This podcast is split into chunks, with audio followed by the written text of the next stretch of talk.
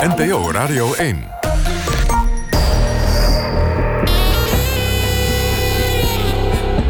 Argos.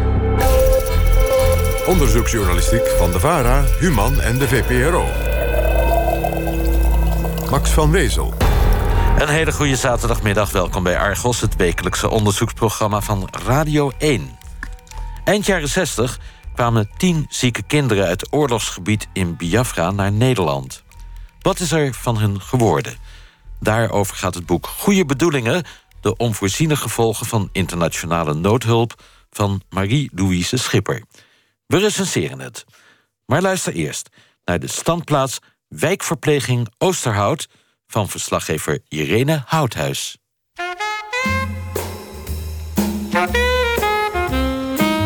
Hoe vertel ik het verhaal over een team wijkverpleegkundigen... dat goed opgewassen is tegen werkdruk... en ook niet gebuk gaat onder bureaucratische rompslomp. Uitgerekend in een week waarop volop actie is gevoerd... tegen die onmogelijke werkdruk en overbodige administratieve handelingen. Wij zijn de ambassadeurs voor de verzorgende 3IG in de wijk. Wij doen mee met de actiedag. Jullie allemaal? Ik loop een week mee met wijkverpleegkundigen van Thebe. Een grote Brabantse thuiszorgorganisatie. Maar drie van de ruim 1400 verpleegkundigen van Thebe deden maandag met die acties mee.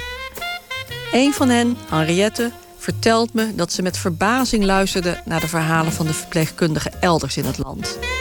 Die hebben pas last van overbodige regels. Eigenlijk valt het reuze mee bij Thebe. Argos, met standplaats wijkverpleging. We gaan nu starten bij een mevrouw om de stunkhuizen aan te trekken. Die mevrouw kan dat vanwege jichtaanvallen en onvoldoende kracht in de handen niet zelfstandig. We hebben een aantal mensen voor stunkhuizen, mensen om te douchen. Iemand met stomazorg, uh, medicatie, uh, lichaamsmeren. Dus we hebben eigenlijk een, uh, wel wat diverse handelingen op de route. Het is een drukke ochtend? Hij is uh, iets minder uh, druk dan normaal. Er zijn een aantal cliënten ook geweest die uh, ja, geen toestemming hebben gegeven om dat jij meekwam. Dus vandaag dat er een aantal cliënten van de route zijn afgevallen. Maar toch wel een, een beeld van wat we in ieder geval op een ochtend zo een beetje doen. Donderdagochtend, kwart voor acht, Oosterhout in Noord-Brabant. Wijkverpleegkundige Debbie rijdt in haar eigen auto haar route langs negen patiënten. En ik mag mee. Goedemorgen. Hoi. Hallo. Ik weet niet pas die is even bewonderen maar nou.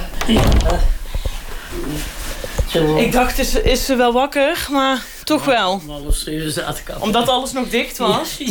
Mevrouw heeft zichzelf al gewassen en aangekleed. Maar ze heeft hulp nodig bij haar steunkousen. Debbie komt al lang bij haar. Ze heeft ook haar man verzorgd, die een paar jaar geleden is overleden. Want voelt u zich nou een beetje beter? Want ik ben de afgelopen week al ziek geweest. Och man, lieve, dat is toch verschrikkelijk, verschrikkelijk. Daar kom geen eind aan. Nee. En ben dikwijls ziek, maar niet zo lang als het is. Nee. En ik voel me nog niet dingen wat vannacht weer rond hoesten, hoesten, hoesten. Maar ja, goed. Ik moet het er toch maar mee aandoen. Ja. Maar komt het wel een beetje los? Oh, heel veel. Heel veel.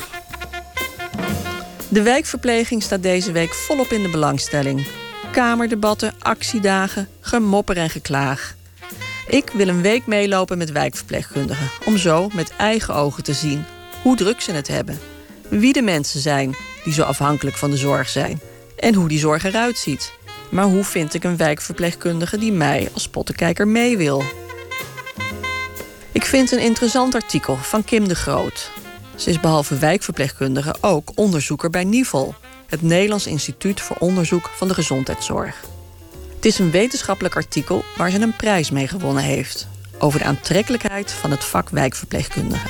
Er zijn eigenlijk drie hoofdaspecten uitgekomen. En uh, eentje is dat uh, als wijkverpleegkundige werk je uh, echt als spin in het web. Dus jij bent degene die contacten legt tussen alle professionals en de cliënt en de mantelzorger. En daarin kan je best wel leidend zijn. Daarnaast vinden ze ook de afwisseling in het werk heel erg leuk. En als laatste is dat je het heel autonoom kan doen. Dus je bent heel zelfstandig. Je kan zelf indelen hoe je dag begint. Je kan zelf uh, vaak een tijd bepalen dat je begint met te werken, wanneer je wat doet. Dus je bent heel zelfstandig. Kim nodigt me meteen uit om te komen kijken bij haar werk bij Thebe in Oosterhout. Goedemorgen. De 1400 zorgmedewerkers daar zijn verdeeld over 104 teams. In 22 gemeenten in West- en Midden-Brabant. Goedemorgen. Goedemorgen. Ik zal een hand geven. Kindergroot. Hans. Rena Houthuis, fijn dat ik mee mag. Ja, dan loopt u verder. U was al wakker zo op de vroege morgen. Ja, ja, ja, ja, ja, ja, ja. Wilt u aan de tafel zitten voor de medicatie? Oh ja, dat is prima, dat is prima. Had u al ontbeten vanmorgen? Nee, nog niet. Nog niet? Nee. Dat moest u nog gaan doen. Dat moet ik nog gaan doen, ja. Dus, eh wilt u dat ik dat nu doe, of... eh En heeft u al gespoten voor de Nee, nee, nog niet, nee, nee. Dan zullen we dat nu maar even gaan doen, hè? Ja, dat is goed. Moet ik nou wat, wat dingetjes pakken? Natuurlijk. Pakt u gerust wat u nodig heeft. Ja. Het is vrijdagochtend kwart voor acht. Verpleegkundige Kim de Groot ontmoet de 58-jarige Hans voor het eerst. Ze heeft van tevoren in het elektronisch cliëntendossier op haar iPad gekeken wat voor zorg Hans krijgt. Hij moet ondersteund worden met de medicijnen en het insulinespuiten. Geroutineerd stelt Kim Hans allerlei vragen. normaal eh, prik ik of en spuit ik vier keer per dag. Ja. Maar om- omdat ik nu eh, ook hulp van, van Thebe heb. Maar anders heb ik altijd, eh, doe ik het allemaal helemaal, zelf, Ja. helemaal zelf. Dus eh, Ja. vandaar. eh, We komen ook alleen maar om even met u mee te kijken, hè? Ja, ja, u doet het allemaal zelf. ja, ik heb het zelf geleerd in het ziekenhuis. Ja. Dus Want heeft u het al lang? Ik heb het eh 17 jaar. Zo, Ja, kijk. ja.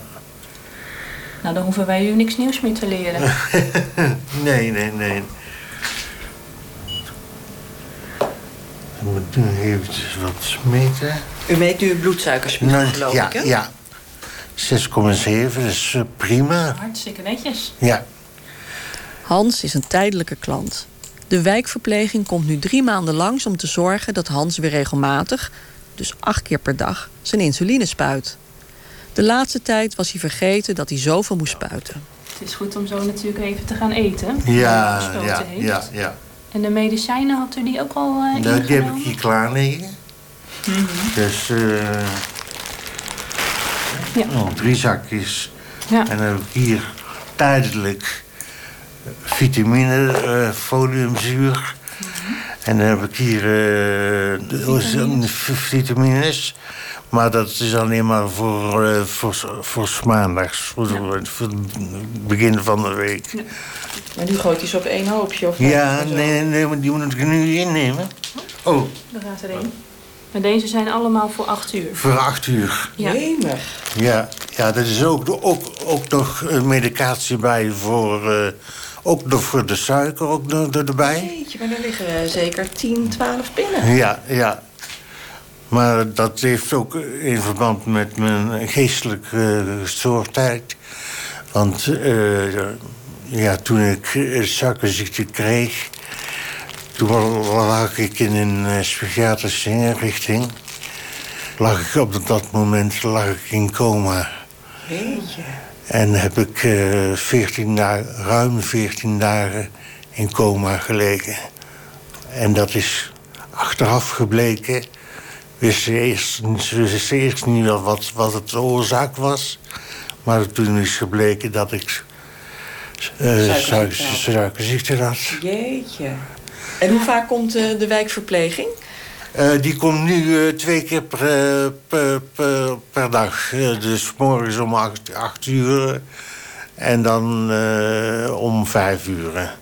Nu, nu tijdelijk. Ja, dat is tijdelijk. En Ja. vindt u dat prettig? Ja, ja, ja, ik vind het wel, vind het wel prettig. Het is een extra paar ogen die meekijkt. Ja, ja, ja, ja, ja. We laten het u ook lekker zelf doen. we doen, ja. We gaan niks overnemen. overnemen, nee, nee, dat is nee. nergens voor nodig hier. Nee, nee, nee. Want nee. andere momenten doet u het ook zelf. Dus, Ja, eh, ja, daarom ook. ja. Dus, eh, Echt even het meekijken. Ja, ja.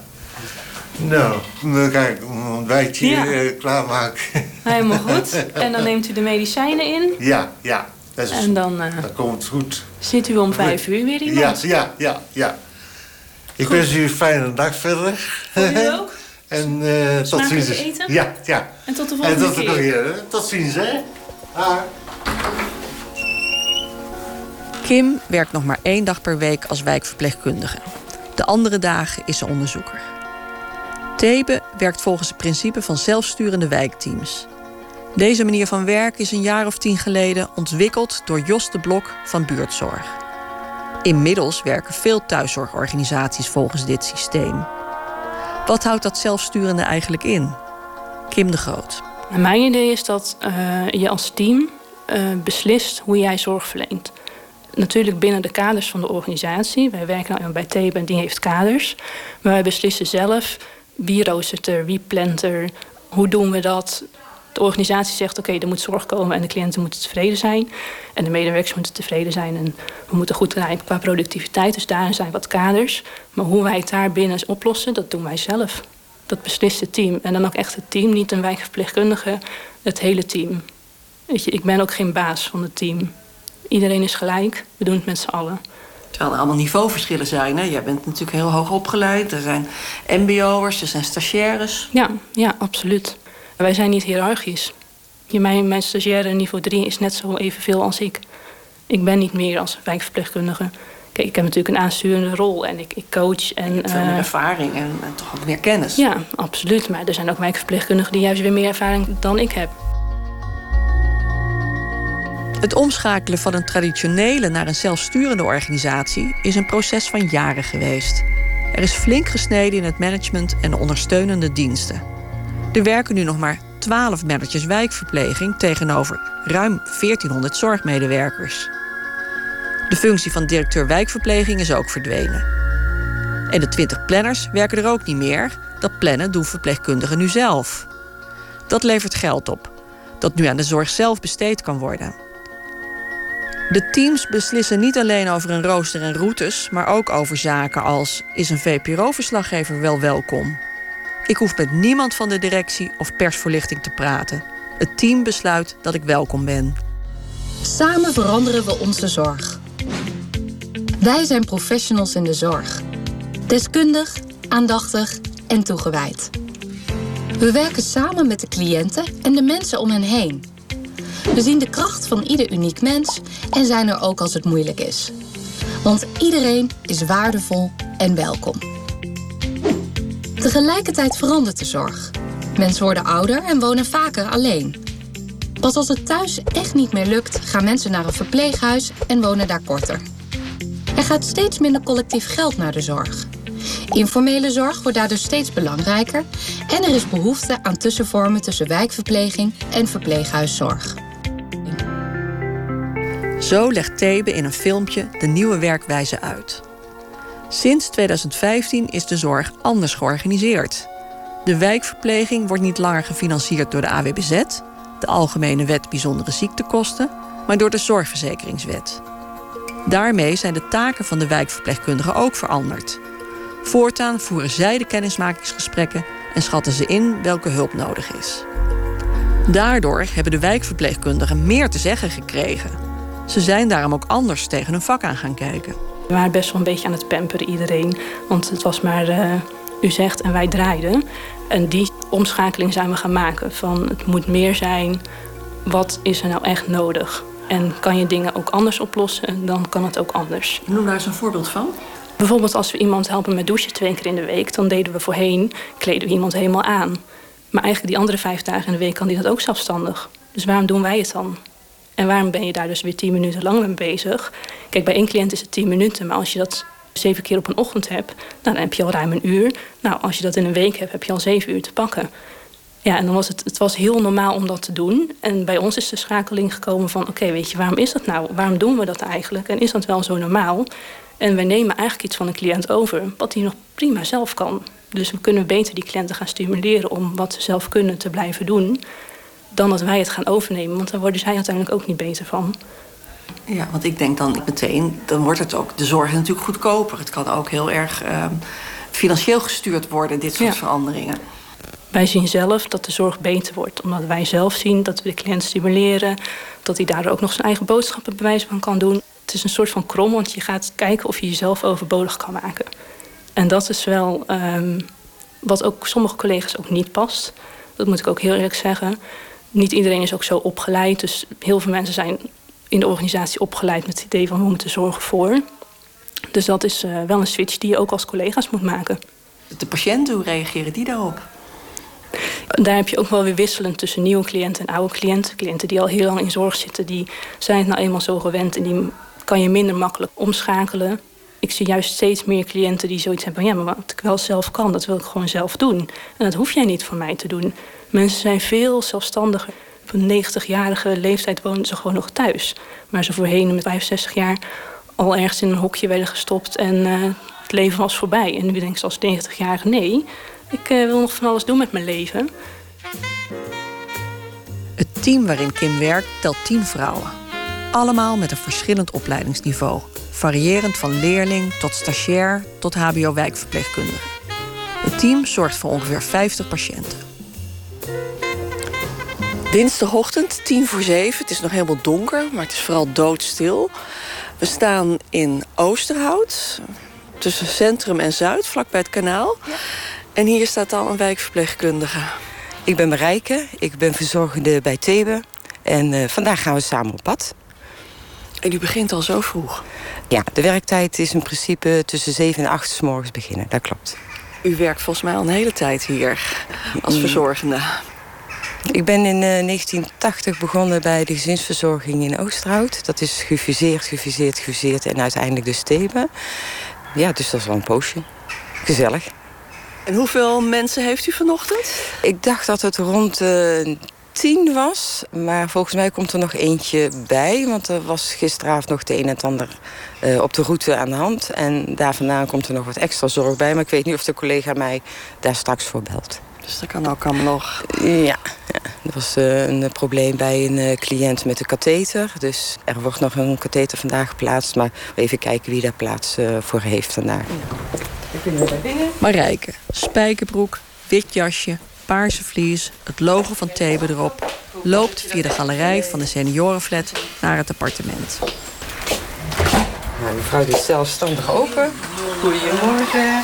Goedemorgen. Hallo. Alles goed? Lekker geslapen? Ja. Ja? Prima. En stinkend. Nou, dan gaat mevrouw de badkamer in. En uh, ja, verzoek van mevrouw om niet mee in de badkamer te gaan. Ja? Oké. Okay. Marijke helpt haar patiënt onder de douche en ik kijk het appartement rond. Twee cavia's in een kooi, een grote televisie, veel foto's van kinderen en kleinkinderen. Na de douche helpt Marijke mevrouw met aankleden. Zo. In de slaapkamer zit mevrouw weer helemaal schoon en aangekleed. En u krijgt lekker een dagcremmetje op. Uh... Ja. Ruikt lekker. Oh. Zo, meestal laten we de stipjes zitten. Nee, Volgens mij kent u Marijke al heel lang. Ja, nou alweer uh, vier jaar. Ja, vier jaar woon ik nou hier. En hoeveel verzorging krijgt u? Want uh, twee maal per dag, s morgens en s avonds. S morgens om aan te wassen en aankleden en s'avonds uitkleden in mijn pyjama, want dan kan ik daarna naar bed. En u bent de eerste, u bent s ochtends vroeg al om 7 uur. Is dat prettig zo vroeg? Ja, ja daar ben ik heel blij mee, want uh, ik heb structuur op mijn dag nodig. En als ik dan s'morgens al uh, later ben en ik ga smiddags om 1 uur naar bed... dan is de tijd ertussen te kort. Ik moest middags even een dutje doen. Een verjongingsdutje. Uh, mevrouw, mevrouw, die neemt nou even de medicijnen in. Als je uh, praat en uh, ze moet haar medicijnen innemen... dan raakt ze de volgorde kwijt. Dus daarom grijp ik heel eventjes in. Kan ze weer verder. Anders gaat ze blokkeren ook in haar spraak en in haar ritme. En hier is je bril. Ja. Dankjewel. Die is al schoon. Ja, alles ingenomen? Alles, Alles ingenomen, oké. Okay. Alles gaan we binnen. Er wordt goed opgelet. Ja. Want u, u zit in een rolstoel. Ja. Mag ik vragen, wat heeft u? Ja, ik heb uh, een hersenbloeding gehad en ik heb spierheumen. Ja, is een heel ander leven dan, uh, dan daarvoor. Want uh, ik heb altijd over mijn leven toen en nu mijn leven. Mijn oude leven en mijn nieuwe leven. Want ja, toen was ik een duizendpoot. En toen kon ik overal alles tegelijk doen. Nou kan ik maar één ding tegelijk doen. Anders lukt het niet meer. Ja. En hoe lang geleden heeft u die hersenbloeding gehad? 2009, 4 mei. Ik zat op mijn werk te vergaderen. En hoe oud was u toen? 53. Werkt u nog? Nee, nee, nee, nee, nee. Ook dat is uh, direct moeten stoppen, want ik ben zo moe. Iedere keer. S morgens dit douchen, dat, dat kost me al zoveel energie... dat ik dadelijk eerst moet uitrusten voordat ik kan gaan eten. Wat kunt u nog meer niet? Want uh, kunt u uw boodschappen doen? Alleen maar onder begeleiding, dan een paar boodschappen. En met wie doet u dan de boodschappen? Uh, nu nog met mijn huishoudelijke hulp. Maar we zijn uh, aan het kijken of dat we dat over kunnen zetten naar praktische thuisbegeleiding. Mijn huishoudelijke hulp krijgt gewoon te weinig tijd voor de hulp. Dat is bij elkaar vijf uur, maar er zit een uur boodschappenhulp bij.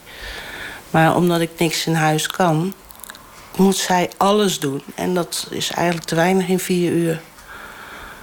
Maar eigenlijk, het is te weinig. Wegens de bezuinigingen allemaal.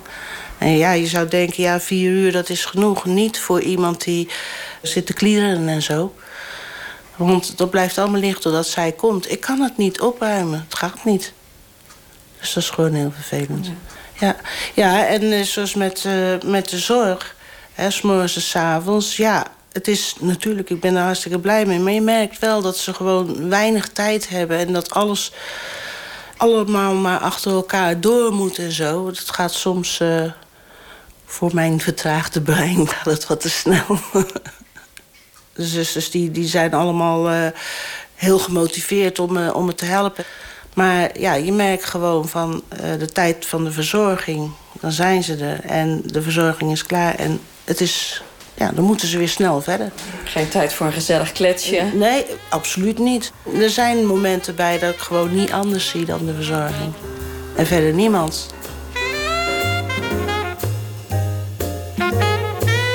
En Marijke, jij was aan het bellen en nu op de iPad. Ja, dat klopt. Ik heb uh, de volgende cliënt even gebeld dat wij uh, dadelijk in aantocht zijn. Die heeft altijd even wat tijd nodig uh, voordat we er zijn.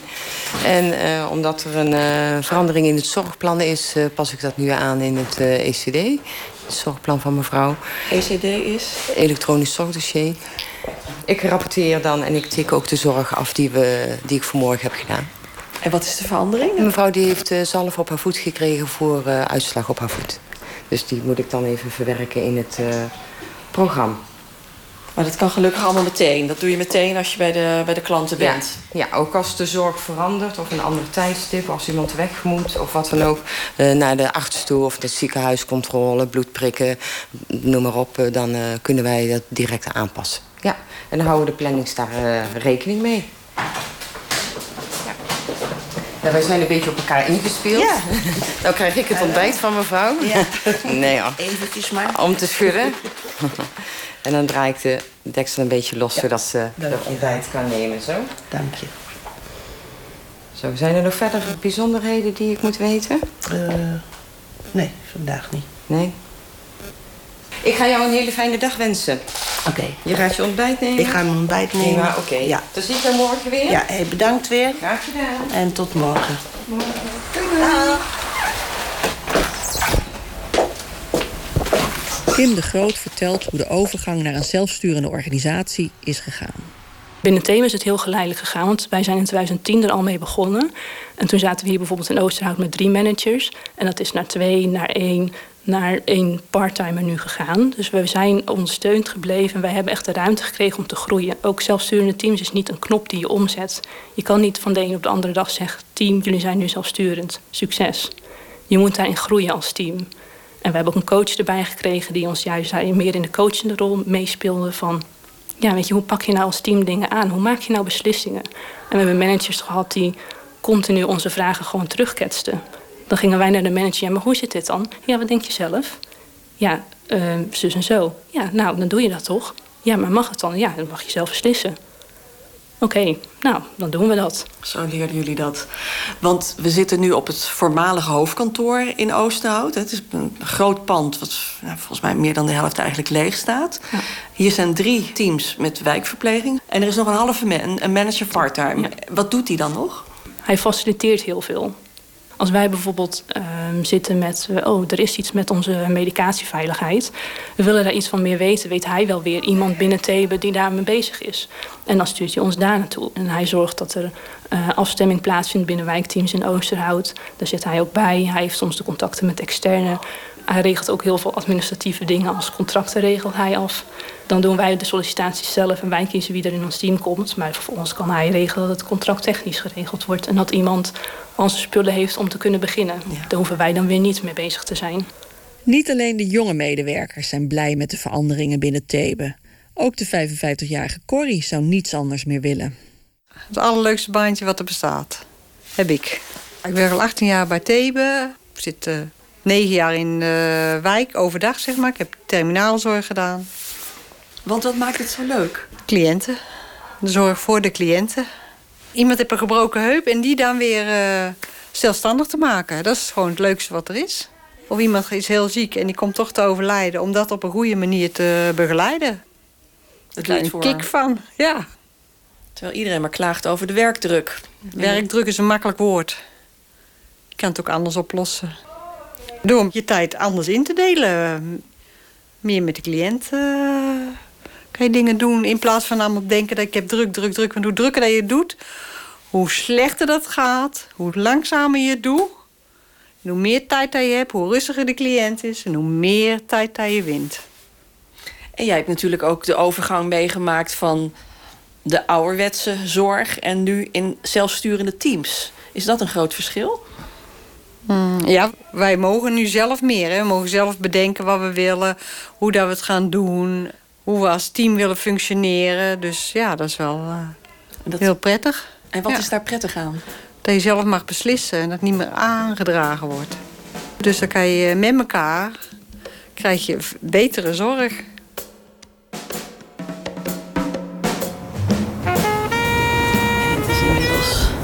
Bijna tien over tien. Een beetje op tijd?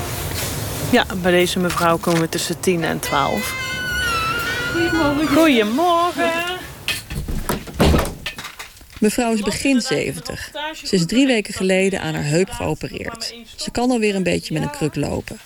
Verpleegkundige Debbie haalt een teltje water voor mevrouw... zodat ze zich op het bed, dat midden in de woonkamer staat, zelf kan wassen. Straks kan u weer in het bad. Ja, Als u weer helemaal wel. hersteld bent. Ja, joh, het gaat vlugger dan ik denk, hoor. het kan niet vlug genoeg gaan. en hoe is dat om steeds iemand over de vloer te hebben en daar afhankelijk van ja, te zijn? Ja, daar, uh, daar moet ik toch wel, uh, daar heb ik wel moeite mee gehad, hoor. En nog een beetje eigenlijk. Dat komt dat ik alles zelf doe en dan vind ik het moeilijk om uit handen te geven. Maar ja, ik wen er nou een beetje aan, hoor. ik ben altijd bezig, dus wat dat betreft... Uh... Ja, waar bent u zo druk mee? Ja, het huishouden, hè. Dat moet bijhouden, dus... Uh... U woont alleen? Ja.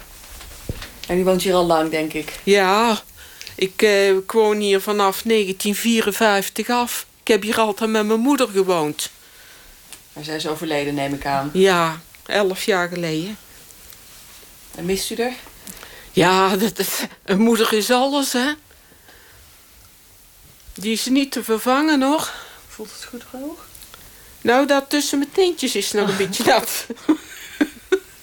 Wat heeft u altijd voor werk gedaan? Mag ik ik heb van alles gedaan. Ik heb 7,5 jaar in de verpleging gezeten. En daarna, ja, toen is mijn moeder een paar keer niet goed geworden. En toen ben ik hier naar Oosterhout gekomen. Toen heb ik administratief werk gedaan. Tot uh, 2005, want toen ging de zaak failliet. Dus uh, waar we waren. En daar heb ik best wel moeite mee gehad, ik ineens. Want ik had uh, mijn baan verloren en 14 dagen na de rand overleed mijn moeder. Dat was een moeilijke tijd.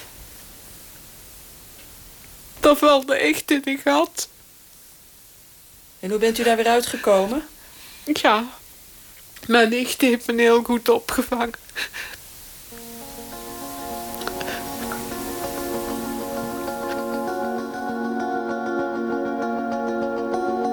Na ruim drie uur is verpleegkundige Debbie klaar met de route. Ze heeft dan negen patiënten bezocht. Ze rijdt naar kantoor. Ze leest haar mails, overlegt met collega's, werkt haar urenregistratie bij. Bureaucratische romslomp noemen velen dit. Ja, je bent wel veel uh, met administratie bezig, maar ja, het heeft wel veel wel betrekking op je werk. Je bent zorgplan aan het aanpassen, je bent zaken aan het regelen voor je cliënten. Ja, en ik denk altijd als je je zorgplan zeg maar goed staat, dan scheelt dat wel weer om extra administratieve taken te doen. Volgens Kim de Groot is administratie gewoon onderdeel van het werk. Kijk, we zitten achter een computer, dus het lijkt misschien administratie, maar heel vaak is het ook wel weer zorg. We bellen bijvoorbeeld om materiaal te bestellen. Ja, dat kunnen we ook bij de cliënt doen, maar ehm, soms is het daar gewoon even niet handig qua omgeving, qua wat daar gebeurt. En is het rustig om dat hier op kantoor even te doen. Ja. Dus het is niet puur administratie wat. Uh... de urenregistratie. Ja, de urenregistratie is inderdaad dan wel administratie. Maar zorgdossiers bijhouden? Ja, ook dat doe je wel weer voor de zorg. Bijvoorbeeld in een, in een collega-team hebben ze de laatste keer een longverpleegkundige aangenomen. Omdat ze zagen uit de dossiers dat ze heel veel mensen met COPD hadden. En dat is echt de kunst om daar is naar mijn idee nog een hele weg in te slaan.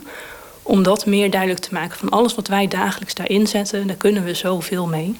Kim is, zoals zoveel verpleegkundigen, een nuchtere vrouw met passie voor haar werk. Iemand die niet snel gek te maken is. Ze heeft dan ook nauwelijks last van werkdruk. Wat ik in mijn team merk is dat wij gewoon een positieve inzet hebben en zeggen: ja, tuurlijk, het is druk, maar we gaan ervoor met z'n allen.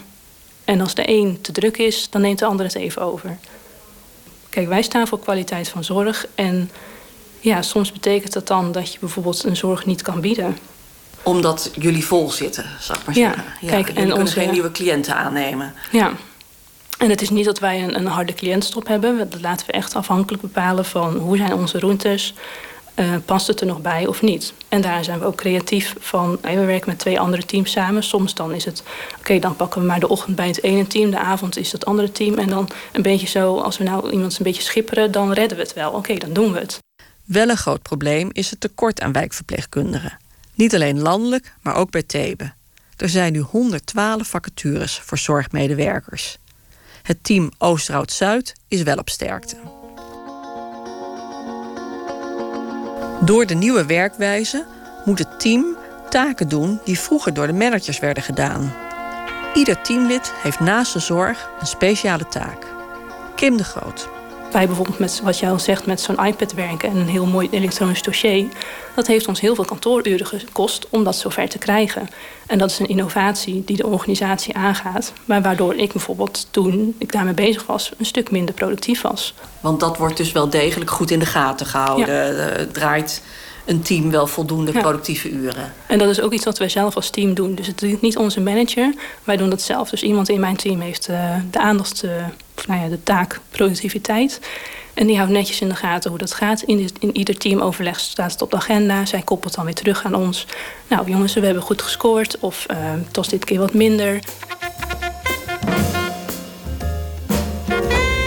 zit in de auto bij Maartje, de wijkverpleegkundige van het uh, team uh, Oosterhout-Zuid. Ja. En vanmiddag uh, mag ik met jou mee. En jij doet het per auto. Oh, oh afgesproken. Ja. oh, dat is de telefoon. Die moet ik even opnemen. Hoi, Suzanne met Maartje. Nee, ik ben nog even op route. Ik denk over een half uurtje ongeveer. En dan kom ik wel eerst even naar jou toe. Oké, tot zo. Doei. Collega. Om even af te stemmen voor de katheterisatie direct. Maar ik ben ook bereikbaar, dus het kan ook zijn dat cliënten bellen ergens vroeg. Moet ik wel altijd proberen om op te nemen als het even kan. Ja, snap ik. HBO-wijkverpleegkundige Maartje is 27 jaar. Tijdens haar korte middagroute wordt ze regelmatig gebeld, want ze heeft ook telefoondienst. Nieuwe patiënten melden zich bij haar, maar ook huisartsen of andere collega's. En dat gebeurt ook op momenten dat het helemaal niet uitkomt. Vindt u het goed dat ik weer even gauw de telefoon opneem? Hoor. Vindt u het goed dat ik weer even gauw mijn telefoon opneem? Ja? Deze wijk verpleging met Maatje.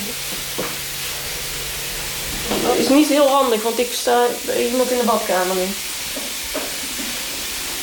Wanneer komt hij naar huis? Oké, dankjewel. Doei. Wat wilt u? Wat doe je? Want u wil nu eh, scheren? Ja? Moet ik een beetje in uw hand doen?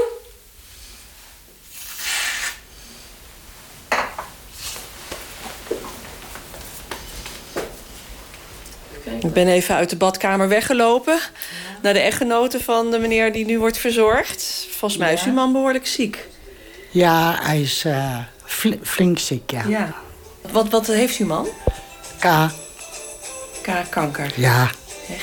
Ja, ik spreek het maar half uit. Ja. Want ik vind het een rotte woord. In het hele lichaam? Ja. Oh, dus hij heeft slechte vooruitzichten. Ja, de huisartsen die zijn nog drie maanden. En krijgt uw man veel zorg? Geweldige zorg. Ja, zeven dagen in de week.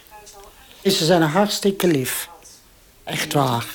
Heel lief. Ik heb geen klagen. Tijdens mijn laatste bezoek ben ik op pad met Nicky. Ze werkt al elf jaar als wijkverpleegkundige bij Thebe. Op kantoor praten we nog wat na. Is het nou eigenlijk het succes van de zelfsturende teams... dat jullie werkdruk als minder ervaren? Ik denk het wel, omdat wij meer zelf te zeggen hebben. Ik werk hier natuurlijk alweer een hele tijd. En op het begin was het teammanager. Toen hadden wij nog een vrouw. Die regelde ons rooster. Die regelde alle overleggen en de inhoud van de agenda. Wij waren er allemaal wel, maar zij bepaalde. En nu moet je het zo zien, wij bepalen zelf.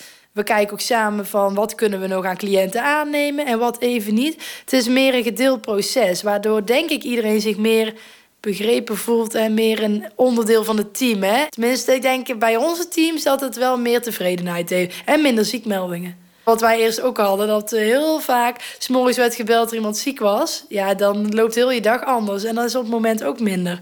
Dus zo nemen mensen ook eh, de verantwoordelijkheid om minder uit te vallen. Ja. Iedereen voelt zich meer verantwoordelijk. Ja, iedereen heeft ook eigen taken. We hebben zeg maar een bepaalde taak in een team. Iemand die eh, de cliënttevredenheid in de gaten houdt, noem maar een voorbeeld. Iemand die in de gaten houdt eh, de medewerkerstevredenheid. En die dingen zijn allemaal verdeeld. En heeft iedere collega heeft in ieder geval wel een taak in het team, waardoor die zich ook verantwoordelijk voelt voor het team. Maakt dit je werk ook leuker? Dat je het allemaal zelf regelt en Ja, zelf ja. met elkaar afspreekt? Ja, zeker. Want ik denk dat wij nou niet eens meer zouden pikken, zeg maar. Ja, nu ja, het maakt je werk leuker, want je hebt zelf ook inbreng. En vooral ook het feit dat wij mogen indiceren, de zorg. Eerst deed CIZ alleen maar. Het centraal Ja. orgaan. Sinds wij het zelf mogen doen, dan vind ik wel dat wij meer serieus worden genomen op ons vakgebied. Van dat wij kijken van wat er nodig is en wat we inzetten. En eh, dat is eigenlijk sinds 2015 en dat heeft wel heel erg het leuker gemaakt, vind ik.